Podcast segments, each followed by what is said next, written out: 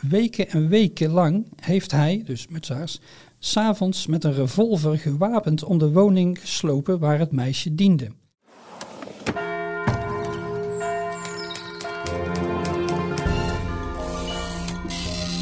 Je luistert naar het geheugen van Brabant. De podcast van het Brabants Historisch Informatiecentrum in Sertogenbos. Dwaal mee door onze archieven op zoek naar de mooiste verhalen van vroeger. Hier is je reisleider op onze speurtocht, Marilou Nillissen. Daar zijn we weer met een ouderwetse geheugen van Brabant. Want na de zomerspecials over de Vuelta en de dorpsfilms krijg je dit keer een vertrouwde aflevering met vertrouwde elementen en dus ook met Anton. Dag Marilou. Weet je nog dat we voor de zomer een uh, enquête hebben aangekondigd? Het is lang geleden, maar ik weet het nog wel, ja. Ja, daar hebben we behoorlijk wat reacties op gekregen met uh, allerlei tips en, uh, en aanmerkingen, opmerkingen. nou, iedereen bedankt daarvoor. Zeker natuurlijk voor de leuke complimentjes, maar ook de, de, de, de verbeterpunten die gaan we natuurlijk zeer ter harte nemen. We gaan ermee aan de slag. Ja, en we hadden beloofd uh, om ook drie prijswinnaars uh, uit de, de inzendingen te kiezen. Klopt. Uh, nou, te kiezen. Te, te, de, de, notaris is erbij betrokken geweest, laten we het zo zeggen. Inderdaad. En wie hebben het boek van Wim Daniels, de dikke Daniels, gewonnen, Anton? Nou, Dromgeroffel, hè? Ja. Dromgeroffel. Jolanda van Ooyen, mm -hmm. Eddie Gevers en Francine van den Heuvel. Nou, hartstikke mooi. Volgens mij hebben ze het boek misschien al binnen. Het wordt ze in ieder geval toegezonden. Ja. ja. hey, maar inmiddels zitten we alweer dik in oktober, de maand van de geschiedenis, uh, met Wat een ramp als uh, thema. En daar gaan we dit keer dan over hebben. Margot komt met een vondst die op een vreemde manier tot een liedje van Dr. Anders P. leidt. Aha, en Mathilde laat ons kennis maken met de eerste ramptoeristen. Historicus Henk Buiks vertelt over de rampen die Brabant hebben gevormd. En we hebben natuurlijk Stem uit het Verleden, Marietje Kessels, Anton, jij leest tussendoor nog voor uit de Graafse Courant van precies 100 jaar geleden over alle rampen en rampjes. Ja. Dus laten we snel beginnen. Laten we dat doen. Vondst van de maand. Dag Margot, waarmee ga je ons dit keer verrassen? Nou, ik heb een mooie fonds voor deze tijd van het jaar en zeer toepasselijk ook. Vertel. Uh, ik heb een reglement bij me voor een hoogwaterveer op Den Bosch dat het gemeentebestuur van Sint-Michiels-Gestel in 1815 heeft opgesteld. Mm -hmm. En ik zat te denken, uh, we hebben nou een tijd van warm weer en droogte achter de rug en zitten nu midden in de herfst. Nou, het water valt uh, doorgaans, vandaag niet trouwens, maar vaak wel met bakken naar beneden. Zeg dat, ja. En dat zorgt voor wateroverlast, waardoor de straten onderlopen. En dit heeft vaak ook rampzalige gevolgen. Mm -hmm. Nou, maar even terug naar het stuk. Het Hoogwaterveer ten Bosch naar Sint-Michiels-Gestel was een van de veerdienstjes die tot in de 20e eeuw dienst deden rond Sertogenbos, als daar in de herfst en in de wintermaanden het gebied onder water liep. En nou, misschien moet ik dat even uitleggen, Marilou. De stad Sertogenbos was omgeven door veel water. Hè? Denk Mhm. bijvoorbeeld aan de rivier, de A en de Dommel. Ja. En de omgeving van Den Bosch was van nature dus erg drassig en moerassig. En in het najaar leek Den Bosch vaak dan een eiland. En dan lag het omringende gebied helemaal onder water. Nou, en als dat gebeurde, kwamen de veertjes in actie om het contact met de buitenwereld in stand te houden. Nou, een van de oudste stukken, die, wat ik nu bij me heb hier. Uh, kijk, ik laat het even aan jou zien. Ja. Kijk, we zien hier een oud vergeeld stuk ja. met grote zwarte letters. Ordonnantie en reglement op het veer. Het ziet er prachtig en, Ja, en mooi, indrukwekkend uit. En wat, wat staat er eigenlijk allemaal in, Margot? Nou, eigenlijk best veel. Uh, een veerman moest inwoner zijn van de gemeente Sint-Michiels-Gestel. Hij moest 18 jaar of ouder zijn en over een behoorlijke akte van admissie van het gemeentebestuur beschikken. Oké, okay, dus eigenlijk een soort uh, verklaring van goed gedrag. Nou ja, zo'n akte geeft een goed beeld van de herkomst van een persoon. En die werd dan verleend door de schout en de schepenen. En daar hadden zij ook wel voordeel uh, bij, want uh, zo konden ze goed in de gaten houden wie het dorp inkwam en ook weer verliet. Maar, maar ook om de armenzorg binnen de perken te houden. En eh, daarnaast werd deze act ook uitgegeven ter voorkoming van oneerlijke concurrentie. Dus het was dan eigenlijk een soort werkvergunning wat een schipper kreeg. Oké, maar wat, wat staat er verder in? Nou, hij moest ook over geschikte schuit beschikken. Eh, dat is een eenvoudige open boot en die mocht niet kleiner zijn dan 20 voet in lengte. En dan moet je denken aan ongeveer 6 meter. Verder moest de boot ook heel goed uitgerust zijn en dat eh, staat hier heel nauwkeurig omschreven. We lezen dat de schip voorzien moet zijn van een roer, een helmstok en verder lees ik een zwaarden, mastspriet, zeil, fok, touwen. Nou, ontzettend veel. Dus die moest goed uitgerust zijn. En twee keer per jaar inspecteerde het gemeentebestuur de schuiten. En mij lijkt dat ook wel logisch, want de schuiten moesten natuurlijk veilig zijn voor de overtocht van de passagiers. Ja, en toch ben ik wel verrast dat er ook destijds zo strenge controle was op de veiligheid. Ja, goed hè? Ja. Eigenlijk. Ja, vind ik ook. Eh, verder staat hier dat de schipper zelf zijn boot moest bedienen. Hij mocht dan wel een knecht mee laten helpen, maar die moest dan 16 jaar of ouder zijn. En ook werd er gevaren met de gemene beurs. Een gemene beurs. En wat, wat wil dat zeggen? Nou, dat betekende dat de inkomsten werden afgedragen aan de oudste schipper in rang. En die verdeelde elke zaterdagavond de opbrengst eerlijk onder de rest van de schippers. oh, vandaar. Nou, en verder moest de schipper een half uur voor afvaart aanwezig zijn om te helpen bij het laden van de goederen. En ook eh, tot een half uur voor het sluiten van de grote hekel moest daar een gestelschip klaar liggen om de mensen weer naar de overkant te Ah, ja. brengen. ja. zeg maar, Marilou, heb jij trouwens enig idee hoeveel zo'n overtocht kostte in die tijd? Doe eens een gokje. Mm, blablabla, eh, Vijf cent? Nou, je zit er niet ver van af. Het was eh, drie en een kwart cent. Oké. Dus eigenlijk in die tijd vijf duiten. Ja, en trouwens, dat was dan overdag. Want buiten de diensturen kostte de overvaart 20 cent. Oké, En bij zware storm of ijsgang werd dubbel veerloon ik gerekend. kan me voorstellen. Ja, ik heb trouwens even opgezocht, want ik dacht, hoe, hoe zit dat dan, dan precies met die prijzen in die tijd? En ik heb best mooi vergelijkingsmateriaal gevonden. Eh, je betaalde in die tijd voor een volwassen paard 40 cent, voor een koe 25 cent, een varken kostte 15 cent en een schaap 5 cent. Mooi hè? Ja, prachtig. Ik krijg er een, een beeld bij. En, en Margot, nou jij zo aan het praten bent, ik krijg heel tijd één liedje in gedachten. Weet jij welke? Ik denk dat ik weet wat jij bedoelt. Heen en weer. Ja, kan niet missen hè? Nee, inderdaad. Luister gewoon een stukje naar Dr. Anders P. En bedankt voor je vondst. Graag gedaan. Heen en weer, heen en weer, heen en weer. Hongersnood in Zuid-Rusland. Etnische zuiveringen in Klein-Azië. De fascisten die de macht overnemen in Italië. U hoort het, ook in oktober 1922, 100 jaar geleden dus, waren er rampen genoeg in de wereld. Rampen komen natuurlijk in allerlei vormen en maten. Ook als ze van kleine omvang zijn, hebben ze grote effecten op betrokkenen. Ter illustratie een paar van die kleine rampen uit de Graafse Courant van oktober 1922.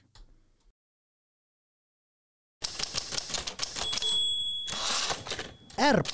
Een treurig ongeluk trof landbouwer Johannes de Groot. Zijn vierjarig kindje zat te spelen op den cementen deksteen van de gierput toen het paard uit de weide kwam aanhollen. Het kindje raakte eronder en was meteen een lijk. Het dier had zo'n geweldige jacht dat de cementen deksel stuk sloeg. Boekel. Het kind Verhofstadt had deze dagen het ongeluk bij het doorsnijden van een touw met het mes in haar oog te steken. Het is thans ter verpleging opgenomen in het gasthuis te Sertogenbos. Naar verluid is het gezicht eruit verdwenen, echter zal het oog nog behouden kunnen worden.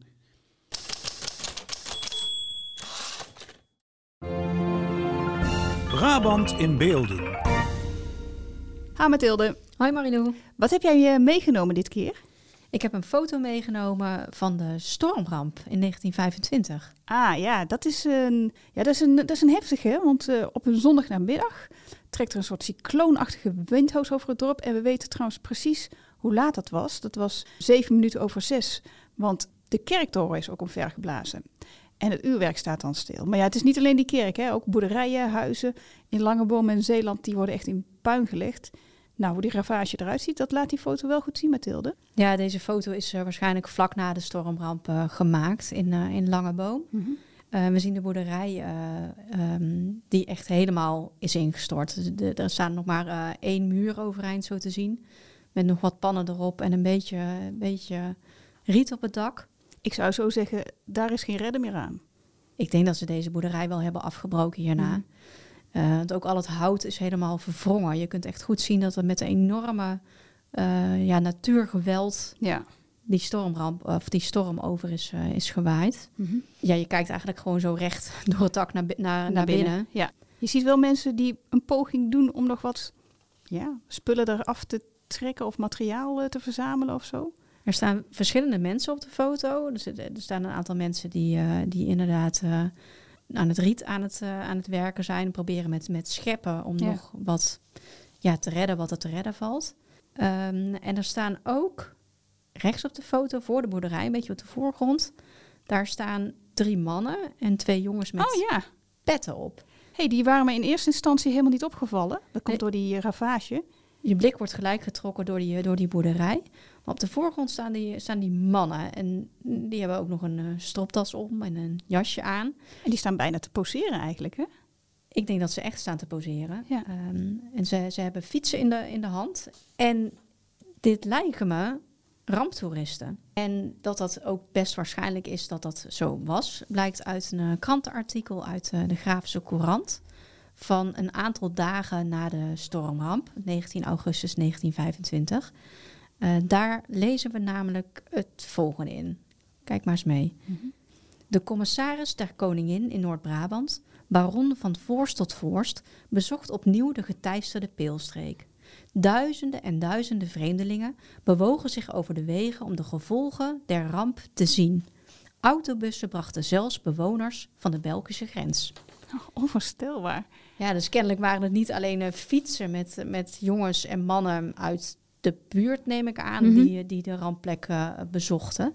Maar zelfs eh, autobussen en ook eh, auto's en mensen kwamen ook wel te voet. Van heinde en ver om te zien hoe het eruit zag, hoe erg het was. Ja, en duizenden en duizenden. En dat dan in toch een relatief kleine, kleine dorp als Ja. Zeeland en Langeboom. Ook naar Frans voor de mensen die daar wonen en in, in die ravage zaten. Dat lijkt me wel, Ja. Mensen zijn kennelijk toch heel nieuwsgierig om dan naar zo'n rampplek te gaan. Eh, en ja, dit is zo ongeveer 100 jaar geleden en we zien het nu nog steeds. Ja, Maar toen gebeurde dat dus ook al. En je, eigenlijk kan je je toen misschien beter voorstellen dan nu. Want mensen hadden natuurlijk geen tv, geen internet, geen sociale media. Dus ze hoorden over zo'n ramp op de radio of ze lagen ze erover in de krant. Ja, en kennelijk wilden ze dat met eigen ogen gaan bekijken. ja, ja. Het is toch best een uitzonderlijke gebeurtenis. Zo'n eh, ja, cycloon, of wat het precies is geweest, wat over is getrokken, om daar eh, toch Ja. eens te gaan kijken. ja.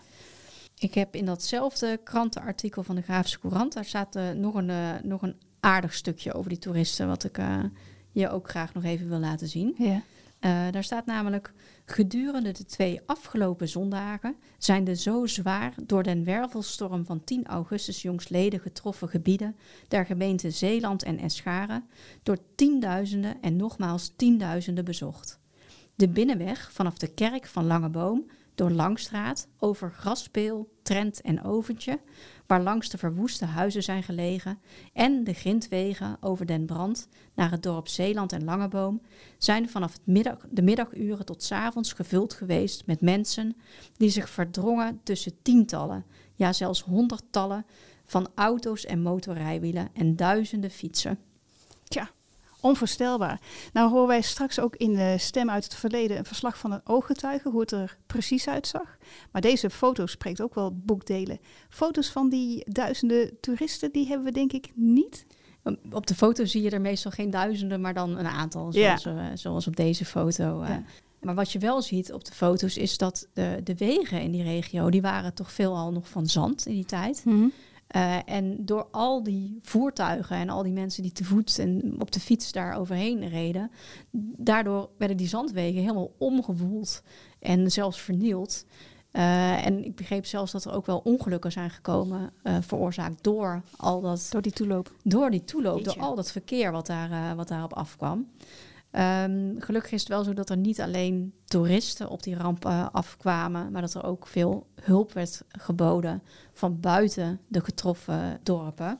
Want verderop in het krantenartikel lezen we eh, dat de soldaten der genie hebben mooi werk verricht met de wegen in orde te maken, de gevallen bomen weg te ruimen en de gevaarlijke bouwvallen naar, neer te halen.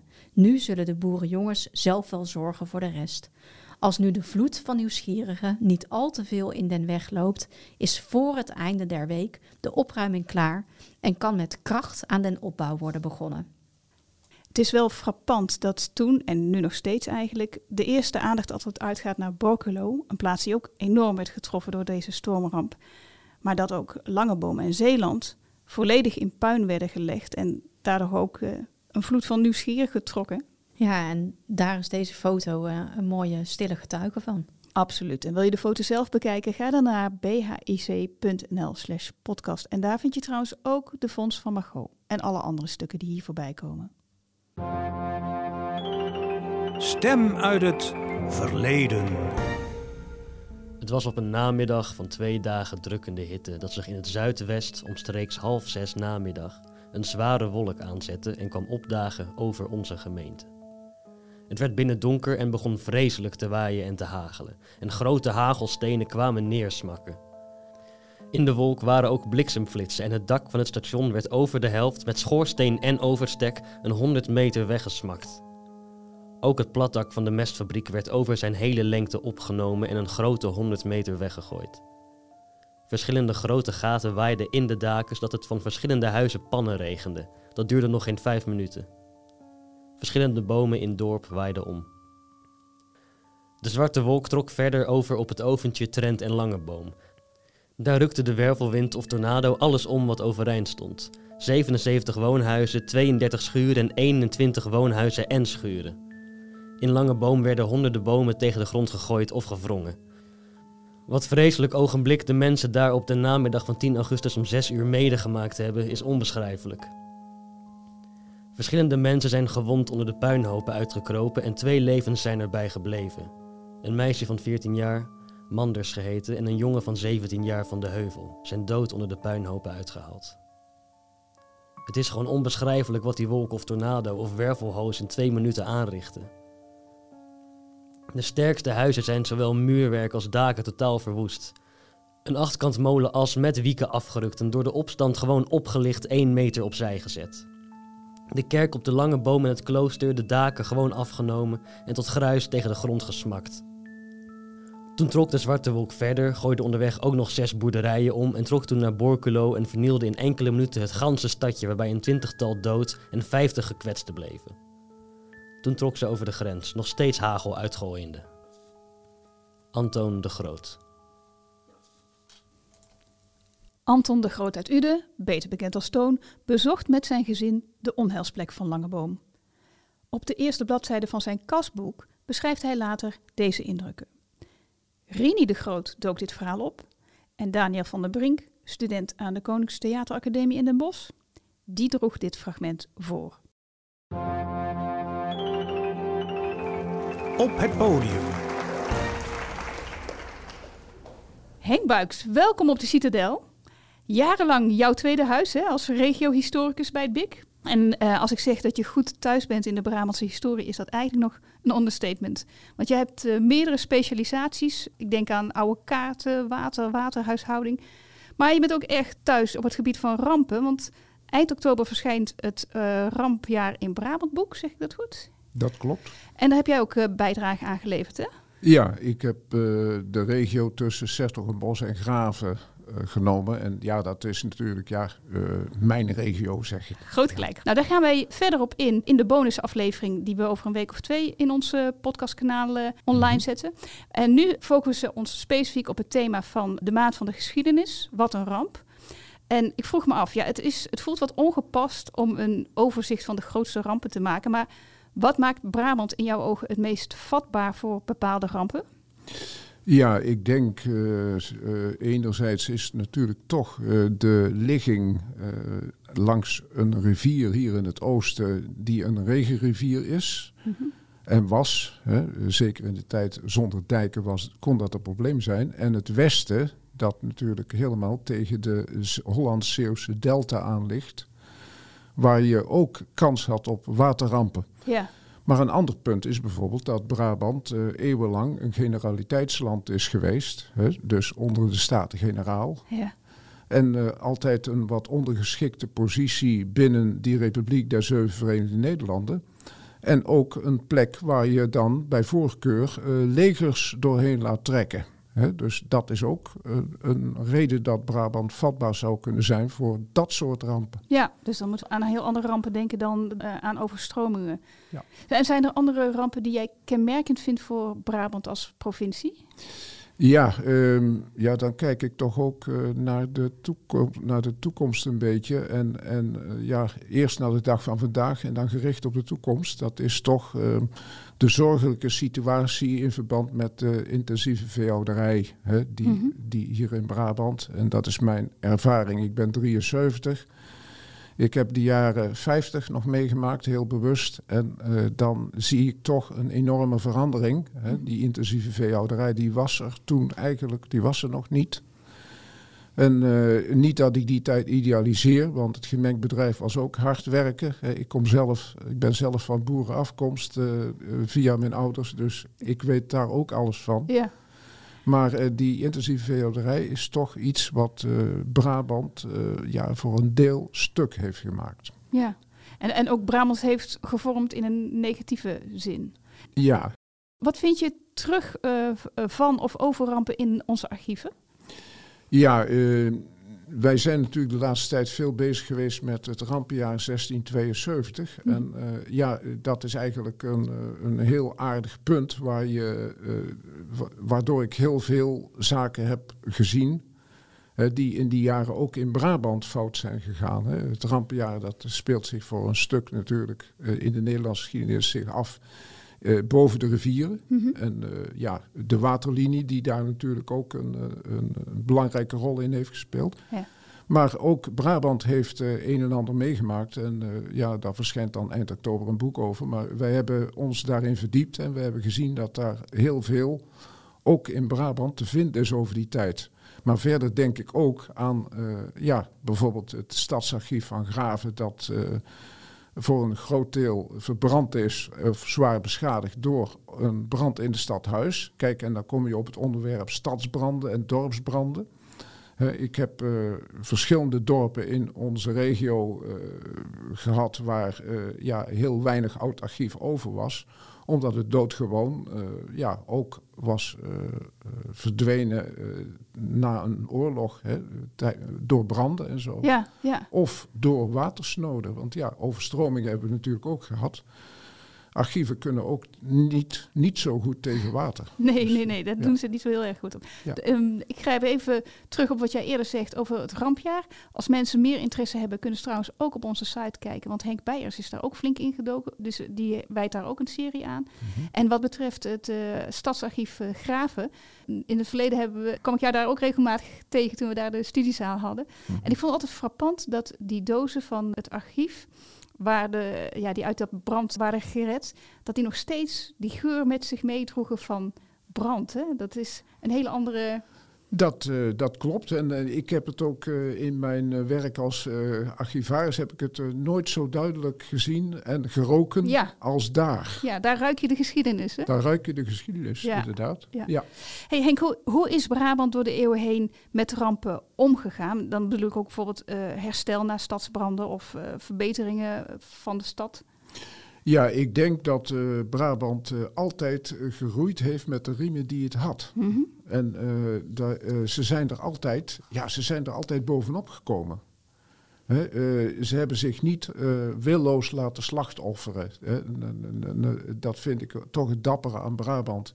En dat denk ik ook aan onze boeren, hè, die, eh, eh, die toch altijd te maken kregen als er eh, buitenlandse legers kwamen of Hollandse legers. Hè, Ja. Want daar waren voor hun ook buitenlanders. eh, die dan eh, hun oogst eh, in brand staken of eh, eh, de oogst in beslag namen of de voorraden in beslag namen, de dieren meenamen, hè, de, Ja. de paarden, de koeien, alles varkens, want dat, eh, de soldaten moesten natuurlijk ook eten. Ja. Maar eh, ze krabbelden altijd weer op. En vind jij nou dat er voor het leed bijvoorbeeld van die boerenbevolking, dat daar in de geschiedenislessen van nu, dat daar voldoende oog voor is? Eh, ik denk van niet. Hè. Eh, het gaat toch in de geschiedenisboeken gaat het vaak nog steeds eh, over machtige mensen en over prachtige kastelen en zo. Ja. Hè, maar dat, dat, dat zijn maar een paar mensen. Eh, eh, en die, dat zijn natuurlijk mensen die het meeste hebben achtergelaten in de archieven. Ja, want die, die boeren die zijn eh, eigenlijk ja, die zijn bijna anoniem. ja, En als je geluk hebt, kom je ze tegen in de doop, trouw en begraafboeken van de kerken. ja, En dan ben je ook blij met een pastoor zoals eh, die pastoor in Veghel rond 1670, die allerlei bijzonderheden over zijn doden opschreef. Oh ja, Hè? Of een man bijvoorbeeld, ik, ik las dan bijvoorbeeld vier robustus, hè? Een, een robuuste man. ja, Of eh, ja, eh, dit was nog maar een jongen.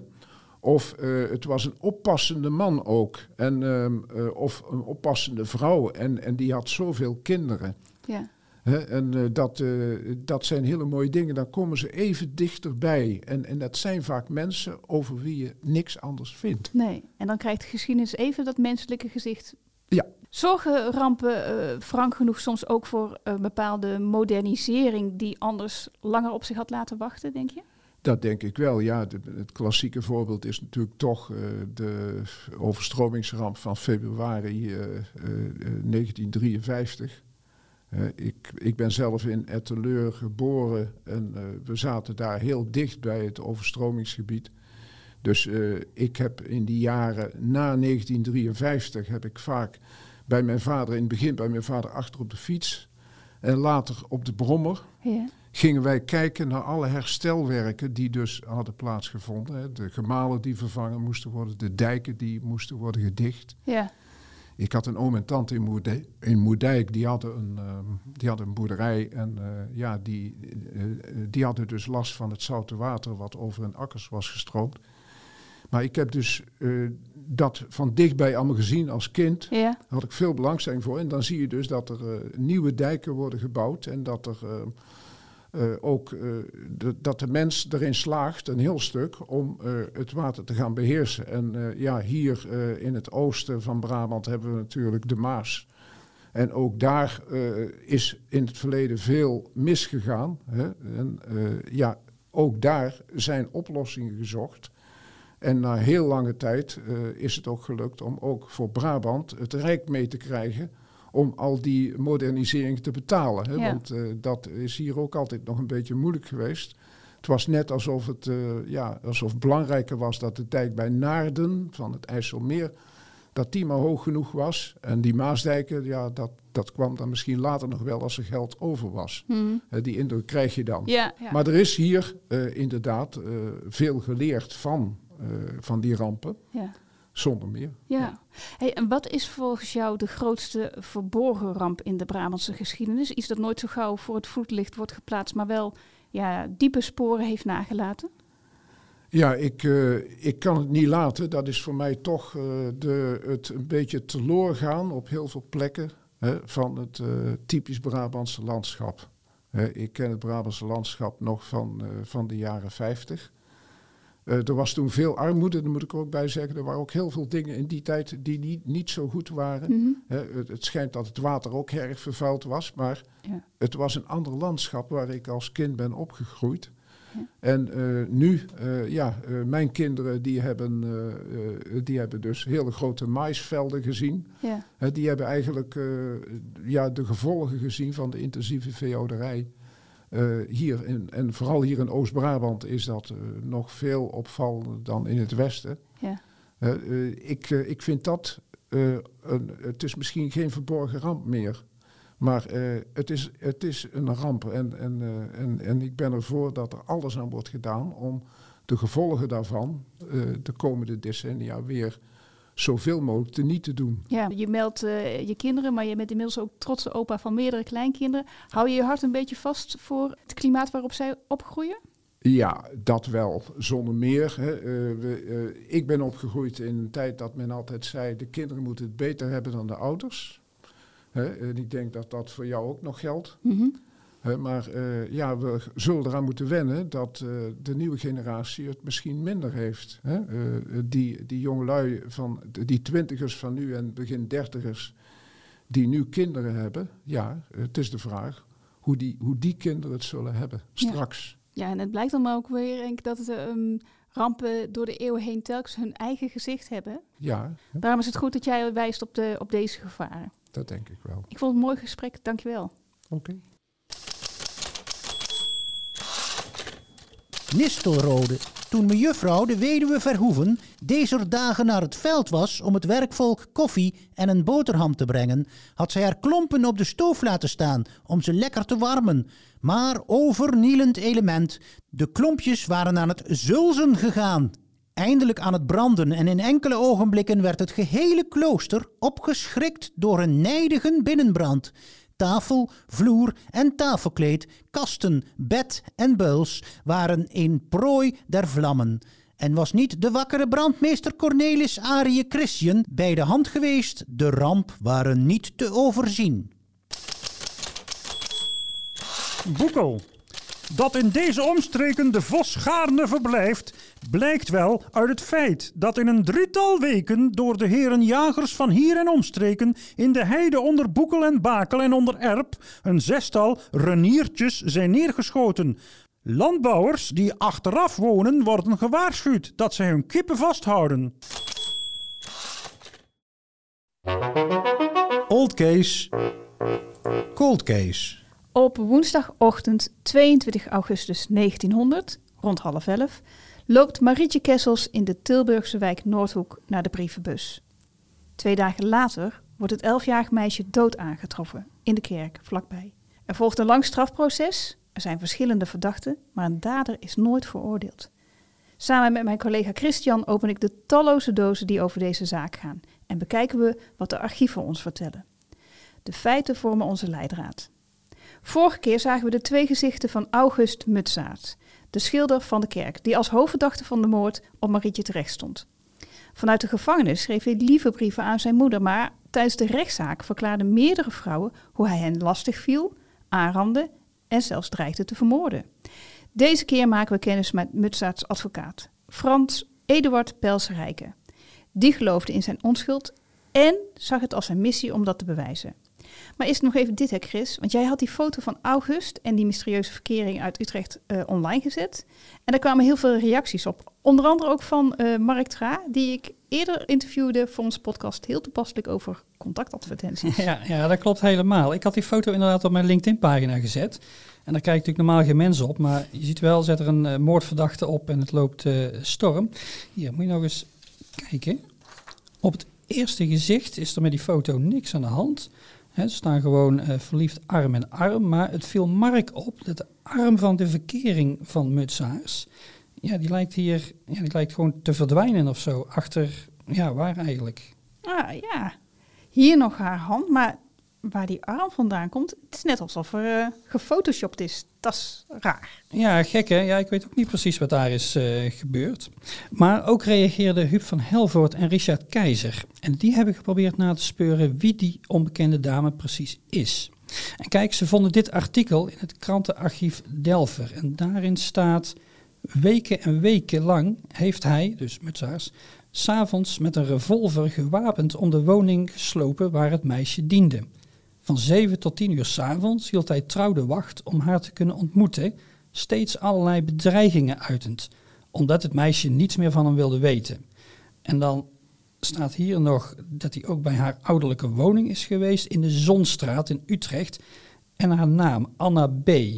En door het bekijken van allerlei plattegronden en adresboeken en zo, kwamen Huub en Richard tot de conclusie dat het hier om Anna Beijer zou moeten gaan. Hey, Anne Beijer, daar hebben we de vorige keer getuigenis van gehoord. Ja, die logen trouwens niet om. Maar wat leuk trouwens dat uh, Huub en Richard zich hierin hebben verdiept en mee hebben gezocht. En is die Anna Beijer dus het meisje op de foto? Ja, nou dat is de vraag. Want die Anna die kreeg namelijk verkering met mutsaars tijdens de Pinksterdagen van 1898. De fotograaf van deze foto, kijk dat staat eh, hier onderaan, Ja. is L.H. Serré. Dat staat voor Lodewijk Hendrikus. En die overleed al in 1897, dat is dus een jaar eerder. Hmm. Nou zei Richard ook wel terecht, hè, misschien dat de weduwe van die Serré zijn studio heeft voortgezet. En ik vond op internet dat dat inderdaad het geval is, samen met zijn zonen.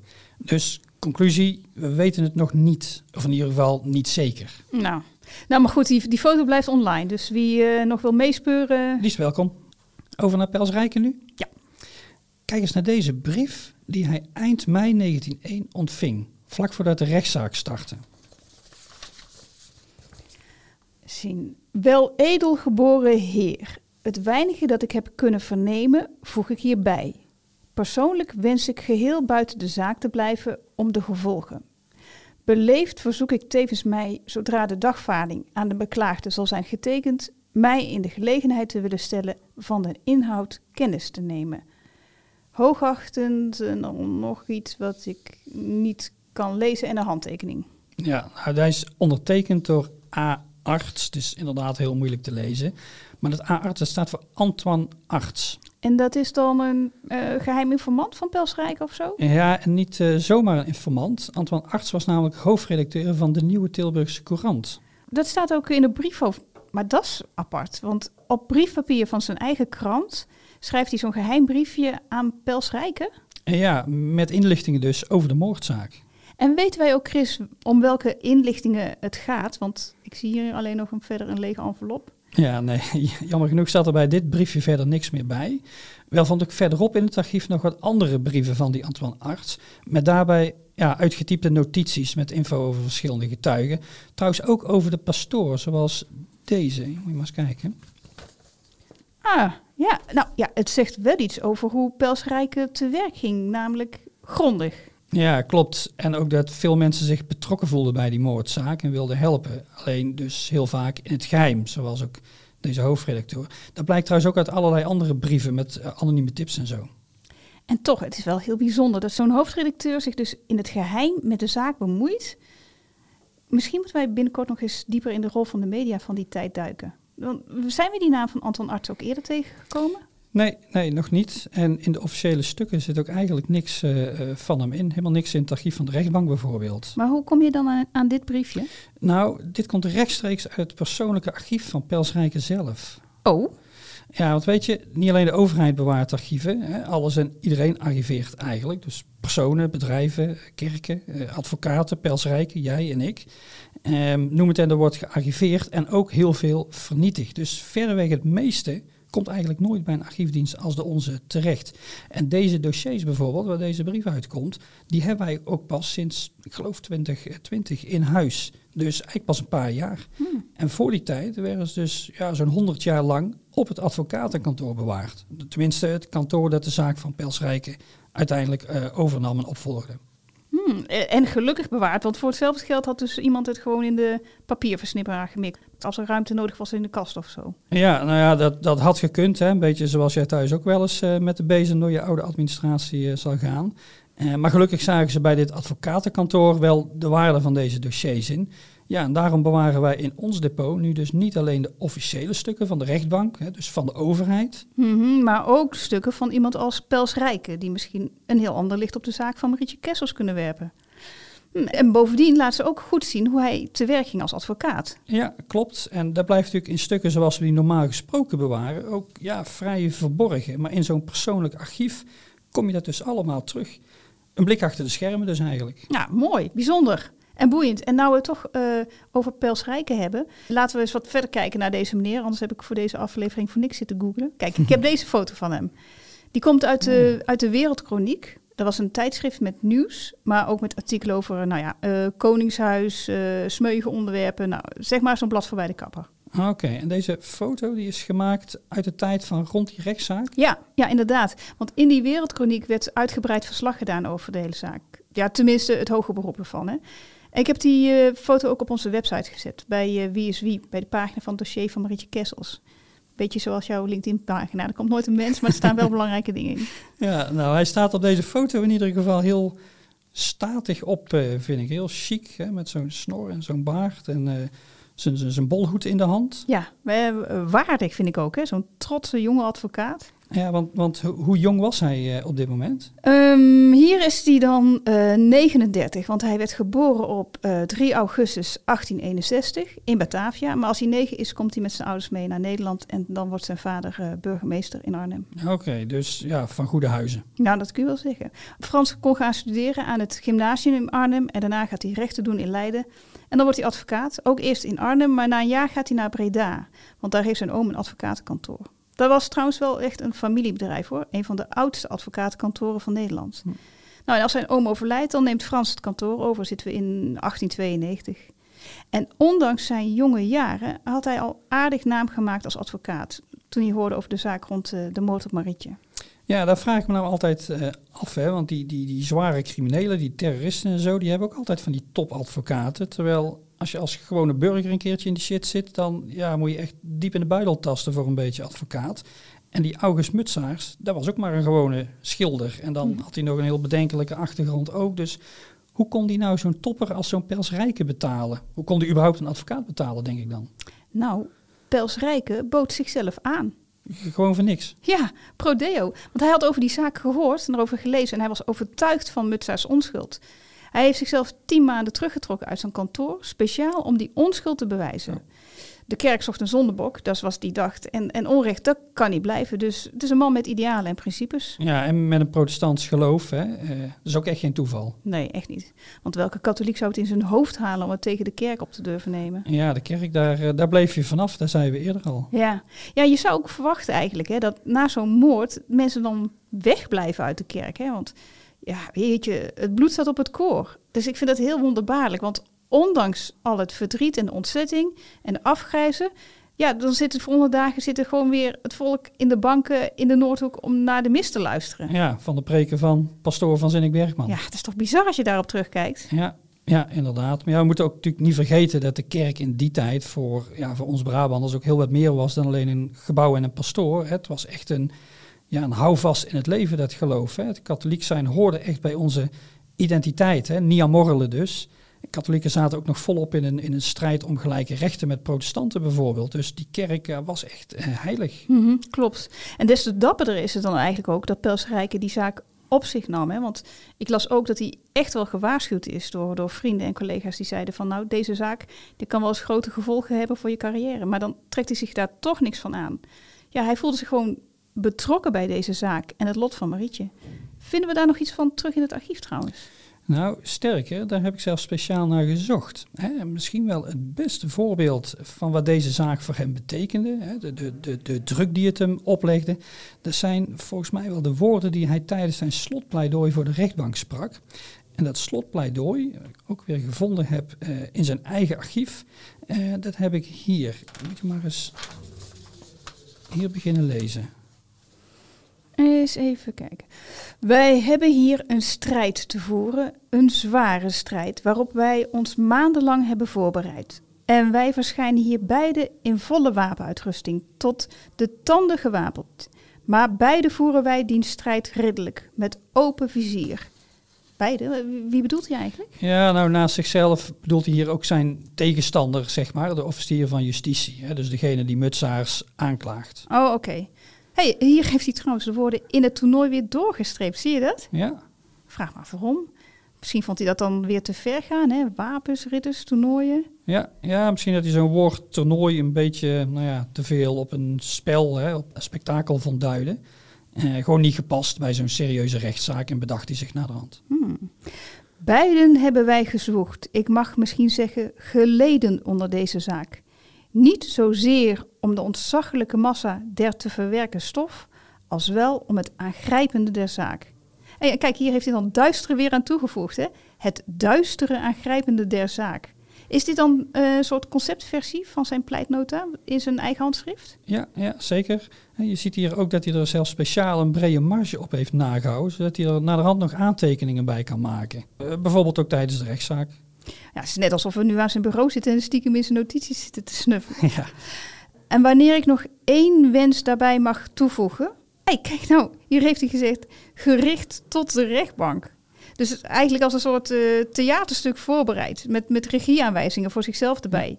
En dat hij bij deze woorden zich tot de rechtbank moet richten. De, en, en dan hun kant op kijkt. Ja, ja, of daar zie je wel dat hij ook woorden extra heeft onderstreept. Hè? Omdat hij echt met nadruk die woorden wil uitspreken. Je ziet het dan ook een beetje zo voor je. Hè? Je ziet hem gewoon zoeken naar de juiste woorden. Je ziet hem zoeken naar de juiste klemtonen. Ja, inderdaad. Misschien ook wel gebaren. Ja, kijk, het is natuurlijk gewoon een stuk papier. Maar ik, het voelt een beetje alsof je hem voor de spiegel ziet staan. om zijn verhaal te oefenen. Om, om de rechtbank te overtuigen. Een wens die ik met te meer vrijmoedigheid uit. al na ik reden heb te geloven dat hij zal worden verhoord. dan is het niet deze. Onderzoek de zaak ernstig. Want dat spreekt voor zich, dat behoef ik u niet te vragen. Maar dat doet hij nou toch, dat is wel een geheim. maar deze, laat het niet bij het onderzoek dat gij reeds hebt gedaan in de stukken en ter terechtzitting. Laat het niet bij hetgeen gij van mij zult horen tot verdediging van deze beklaagde. Want mijn krachten zijn zwak in verhouding tot den omvang en de ingewikkeldheid der materie. Want mijn stem is zwak in verhouding tot het ontzaglijke grote belang. Het leven van een onze medemensen die naar mijn innige overtuiging onschuldig is aan het misdrijf dat hier op het spel staat. Stel u dus met mijn verdediging niet tevreden, doch onderzoekt verder zelfstandig. Leef in hetgeen er gebeurd is, zoals wij, de officier en ik, daarin reeds maanden hebben geleefd. Wanneer gij die bede verhoort, eerst dan zal ik gerust zijn, omdat dan een deel van de drukkende verantwoordelijkheid van mij zal worden afgenomen. De aanwijzingen tegen de beklaagde zullen, evenals lichtbeelden van een toverlantaarn, bij een nauwgezet en voortgezet indenken in de zaak en de positie van de beklaagde, langzamerhand haar lijnen verliezen en wegdoezelen, totdat zij tot niets zijn vergaan. Zo zeg. Nou, als ik nog ooit eens voor de rechtbank kom, Chris. Ja, dan moet je hem als advocaat bellen. Nou, Het decor staat, zeggen ze dan in theaterjargon. ja, en de hoofdrolspelers zijn bekend in de volgende aflevering, want dan begint de rechtszaak. Ja, maar volgt er dan ook gerechtigheid? Dat gaan wij horen. Ik ben heel benieuwd. Luisteren dus. Blik uit het bik. We schrijven 9 november 1800. Die dag, het was een zondag, was al vreemd begonnen. Het was dan wel begin november, maar het leek eerder mei. Zo warm was het. Ook in Bokstel. Toen de Bokstelse kinderen die middag naar de Petruskerk liepen voor hun catechismusles, waaide het al stevig. Tijdens de les zwol die harde wind aan tot een vreselijke storm. Glazen werden uit de kerkramen geblazen. Pannen vlogen van het dak. Paniek alom. Wat te doen? De pastoor hield zijn leerlingen binnen in de kerk, want buiten leek het nog veel gevaarlijker. Maar ook binnen was de situatie angstaanjagend.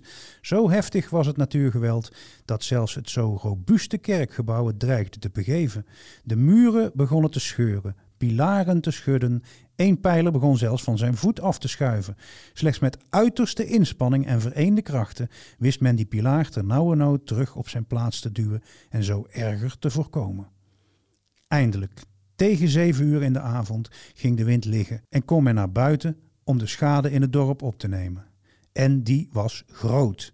Ingestorte huizen, omgewaaide bomen, maar gelukkig hadden alle inwoners de storm overleefd. En daarmee waren ze er in Bokstel zelfs nog betrekkelijk goed afgekomen. Want de omvang van de storm was groter dan Bokstel. Enorm veel groter. Die storm hield op die 9 november van het laatste jaar van de 18e eeuw vreselijk huis over een enorm gebied. Van de Franse Atlantische kust over het huidige België en Nederland tot ver in Duitsland. Met enorme materiële schade als gevolg en ten koste van vele mensenlevens. Of het nu in Duinkerken was of in Brugge, in Antwerpen of Middelburg, Utrecht of Arnhem, overal liet de storm een spoor van vernieling achter. Van afgewaaide dakpannen, ingeblazen ruiten, omgeblazen kerktorens tot omgewaaide muren, ingestorte huizen, molens, kerken en andere gebouwen. Noord-Brabant kreeg de volle laag. Jan Buisman, de chroniqueur van het Nederlandse weer, geeft een ellenlange opsomming van alle vernielingen en maakt daarmee de omvang van de ramp zeer aanschouwelijk. Het lijkt erop dat zowat geen enkele plaats in de provincie die zondag ongeschonden is doorgekomen. Een kleine bloemlezing. Omgewaaide kerktorens in Loon op Zand, Prinsenhagen, Sint-Oederode, Woensel. Kerken in Aalst, Blaartem, Budel, Duizel, Eerschot, Haarsteeg, Stratum vernield. Evenals het klooster Mariagraf in Graven. Ontelbare ontwortelde bomen. Talloze zwaar beschadigde huizen, boerderijen en andere gebouwen in zowat ieder dorp en elke stad. Vele dode koeien en ander vee, om nog maar te zwijgen over de dodelijke slachtoffers onder de bevolking. Zo lezen we bijvoorbeeld. Te Sint-Antonis is de korenwindmolen mede omgewaaid en verbrijzeld en kwam dit toeval den molenknecht op het leven te staan. Vele op het platteland staande boerenwoningen, met stro gedekt, werden door de wind geheel opgenomen en vernield. Rondom Budel zag het er verschrikkelijk uit. Aldaar zijn de kerken en molens omgevallen of ingestort. En die streek schijnt in een woestenij veranderd. Wat er meteorologisch gezien precies is gebeurd, is achteraf moeilijk te zeggen. Een ooggetuige spreekt in ieder geval van een storm die waarlijk enige overeenkomst gehad heeft met die orkanen, welke somtijds de geduchtste verwoestingen op de eilanden van Amerika aanrichten.